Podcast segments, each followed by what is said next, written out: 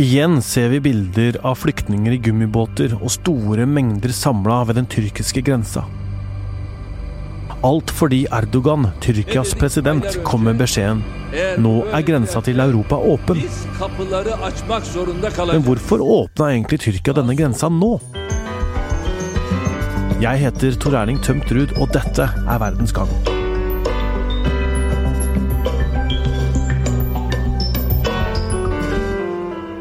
Det er tre ting som skjer samtidig, og vi skal gå gjennom hva de tre viktige tinga er, og de hører sammen. Tyrkia har en helt spesiell geografisk posisjon mellom Asia og Europa. Det anslås at det er rundt 3,6 millioner syriske flyktninger der nå. Kanskje flere. Hallo! Hei, du! Utenriksjournalist her i VG, Nilas Johnsen. Du har jo bodd tre år i Tyrkia og har skrevet boka 'Erdogan Tyrkias nye sultan'. Nilas, hvordan har Tyrkia blitt et sånt eh, flyktningeland? Tyrkia har jo alltid eh, ligget der det gjør, mellom eh, Midtøsten og Europa. Og det er det som har ført til at eh, de eh, etter krigen i Syria eh, fikk et stort antall flyktninger fra nabolandet. Og etter hvert som mange syrere kom, og klarte å komme seg videre fra Tyrkia over til Hellas og så eh, gjennom Øst-Europa og eh, opp til Vest-Europa, så ble det åpnet en ny flyktningrute den veien. Så etter det så har man sett at også eh, migranter, eller flyktninger, eh, fra Afrika og fra Afghanistan, eh, fra Pakistan og mange som også flyktet fra krigen i Irak, har da også begynt å bruke Tyrkia-Hellas-ruta. Så Tyrkia har de Eh, la oss si de ti siste årene det vært eh, et eh, land med veldig mange flyktninger. Og etter Syriakrigen blusset opp for fullt i 2011, så har det antallet bare økt og økt og økt. Disse flyktningene, vil de til Tyrkia, eller vil de bare bruke Tyrkia som en mellomland og videre til Europa? Ganske mange av syrerne vil bli i Tyrkia og har fått ganske gode forhold i Tyrkia. Boliger, arbeidstillatelse, og de håper å en dag kunne vende tilbake til Syria. Men et enda større eh, andel av dem ønsket jo egentlig å bruke Tyrkia som et eh, mellomland for å komme seg videre til Europa. Og Da grensene ble stengt etter flyktningavtalen mellom Tyrkia og EU i 2016, så er de blitt værende i, i Tyrkia. Ja, for etter den store flyktningkrisa inngikk EU og Tyrkia en avtale om at Tyrkia skulle stanse flyktningstrømmen mot Europa, i bytte mot et titalls milliarder kroner i bistand. EU skulle samtidig ta imot kvoteflyktninger for å avlaste Tyrkia. Erdogan har lenge trua med å åpne grensa til Europa, og i forrige uke gjorde han alvor av trusselen. Det resulterte i at flere tusen flyktninger og migranter dro til Tyrkias grense mot Europa.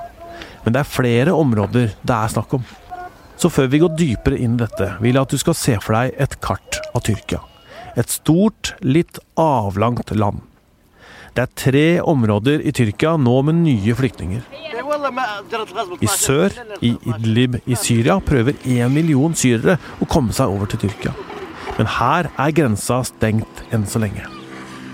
I vest, på grensa til de greske øyene, har mange flyktninger kommet seg over til bl.a. den greske øya Lesvos, hvor store flyktningleirer er overfylt. Det er her vi ser bilder av gummibåter med flyktninger, og det er her greske kystvakter har brukt aggressive metoder for å stoppe båtene i å komme til land. Det siste punktet er i nordvest. Det er denne grensa Erdogan har åpna nå. Det er her flyktninger og migranter har kommet, og det er her piggtrådgjerder og tåregass har blitt brukt fra gresk grensekontroll. Vi starter her, helt nord i Tyrkia, på landegrensa mellom Hellas og Bulgaria. Det er det som er nytt nå. Nilas, hva er det som skjer ved den grensa? Nå ser vi et uh, stort antall uh, mennesker som prøver å krysse inn uh, til Hellas og Bulgaria via landegrensen. og de prøver også å krysse en sånn grenseelv. Og det som har skjedd egentlig er at Tyrkia rett og slett har stanset sin grensekontroll. Og i tillegg så vet vi at de har oppfordret personer til å reise. Og det går også påstander om at eh, de organiserer transporten. Og jeg har selv fått tilsendt bilder hvor man kan se eh, busstransport og båt over denne grenseelven mm. som ser ut som det blir organisert av tyrkiske myndigheter. Mm. Hvem er det som er på den grensa nå, da?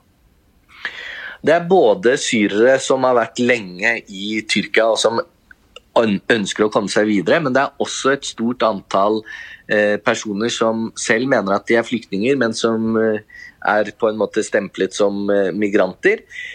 Som da er fra Afghanistan, Iran, Marokko, Pakistan og også land i Afrika sør for Sahara. Og så er det sør i Tyrkia. Der grenser landet til Syria, og vi husker at Tyrkia gikk inn i Syria i fjor høst og kjemper mot Syrias president Assad, som igjen får støtte av Russland. Denne krigen har bl.a. ført til at eh, ved byen Idlib, som er ved grensa mot Tyrkia, befinner seg rundt en million syriske flyktninger som ikke ønsker å være i Syria lenger. Utenriksjournalist i VG, Amund Bakke Foss, er ved denne grensa nå.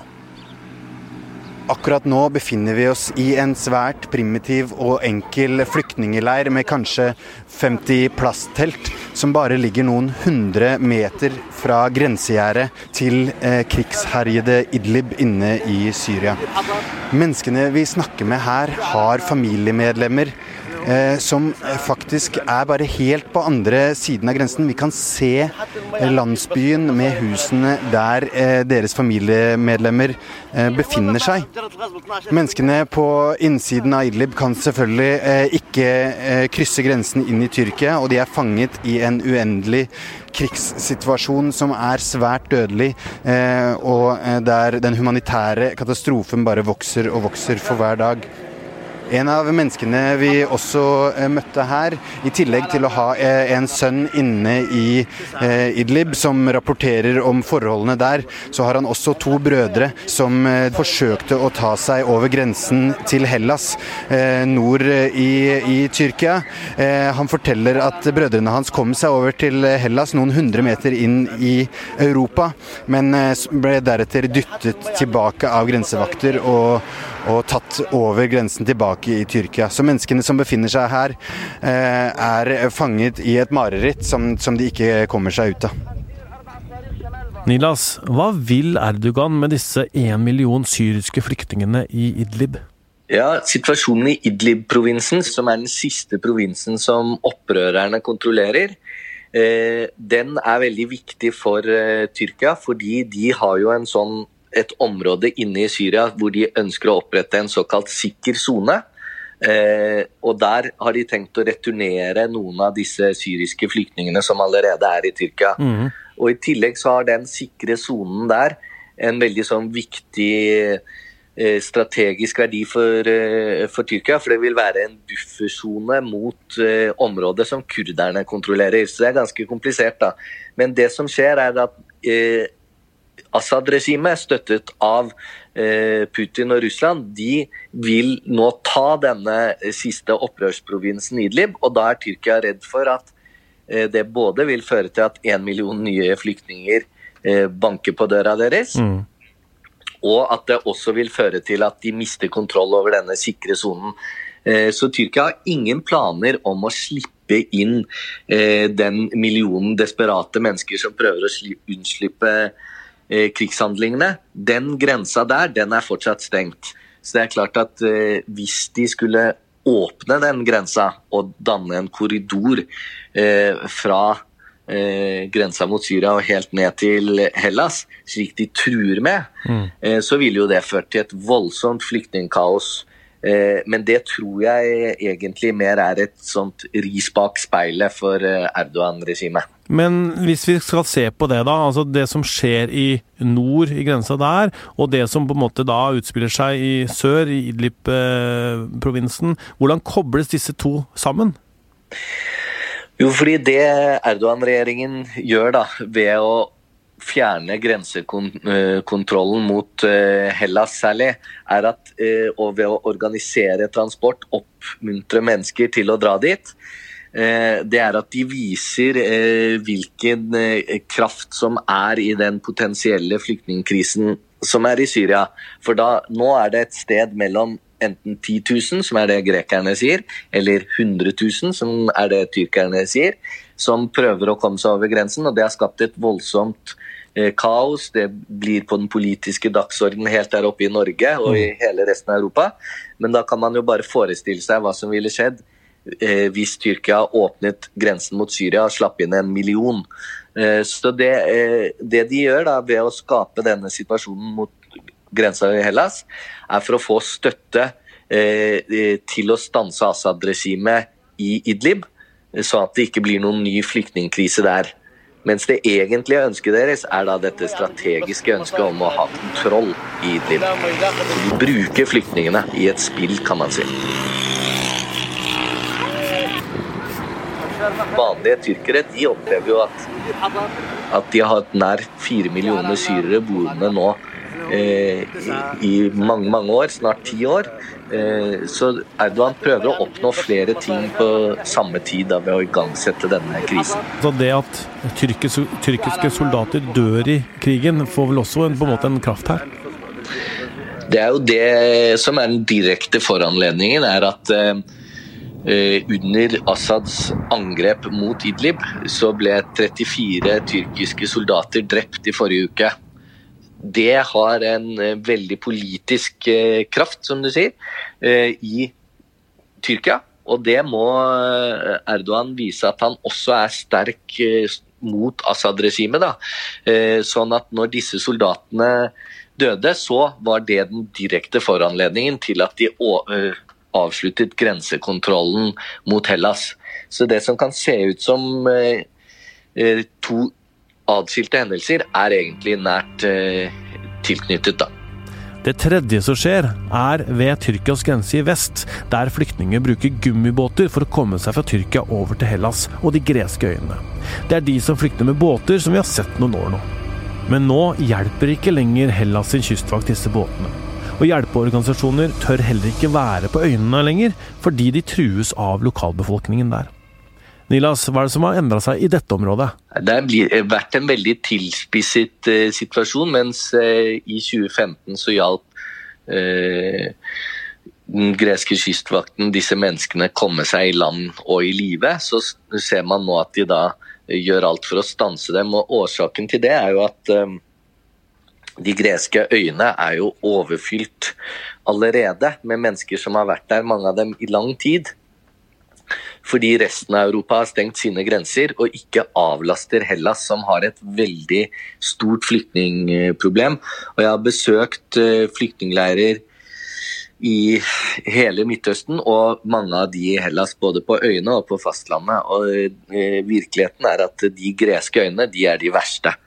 Eh, og den situasjonen der, den er uholdbar i lengden. og Hellas vet ikke hvordan de skal eh, kontrollere det. og Det er derfor både lokalbefolkningen på disse øyene har fått nok, og det er derfor også den greske kystvakten går så hardt til verks. Du har jo møtt mange av disse flyktningene, Nilas. Eh, hvem er de? De er mennesker som er på flukt fra krigen i, i Syria, som en jeg møtte som het Nord, som var på flukt i rullestol, prøvde å komme seg over i båtene i 2015. Båten sank og ble sittende fast i Tyrkia. For henne endte det godt, og hun kom seg videre til Canada. Mens mm. det er også eh, personer som har fått eh, blitt avvist i Norge f.eks. En av de som jeg, jeg traff som ble sendt av disse Afghanistan-barna, som var omstridt om var 17 eller 18, og norske myndigheter mente han var 18, sendte han til Kabul. Jeg traff han der. Og så eh, et år senere så traff jeg ham plutselig i, i Istanbul, mm. uh, i Tyrkia. Han var fast bestemt på å komme seg til Hellas. Det klarte han. Nå sitter han fengslet i Aten. Mm. Så det er, eh, det er, mange skjebner, da? Det er mange skjebner, og det er det som er, er tragisk, at i dette politiske spillet så blir eh, disse menneskene brukt som en brikke i konflikten mellom eh, Tyrkia og EU. Ok, så dette er bakteppet for det som skjer i Tyrkia. Og når vi spiller inn det her, så er Erdogan i samtaler med Russlands president Putin i Moskva. Utfallet der kan endre hele denne situasjonen om dette spillet om flyktningene nær Tyrkias grenser. Verdens Gang lages av Emilie Hall Torp. Kristine Hellesland, Nora Torp Bjørnstad og teknisk produsent Magne Antonsen.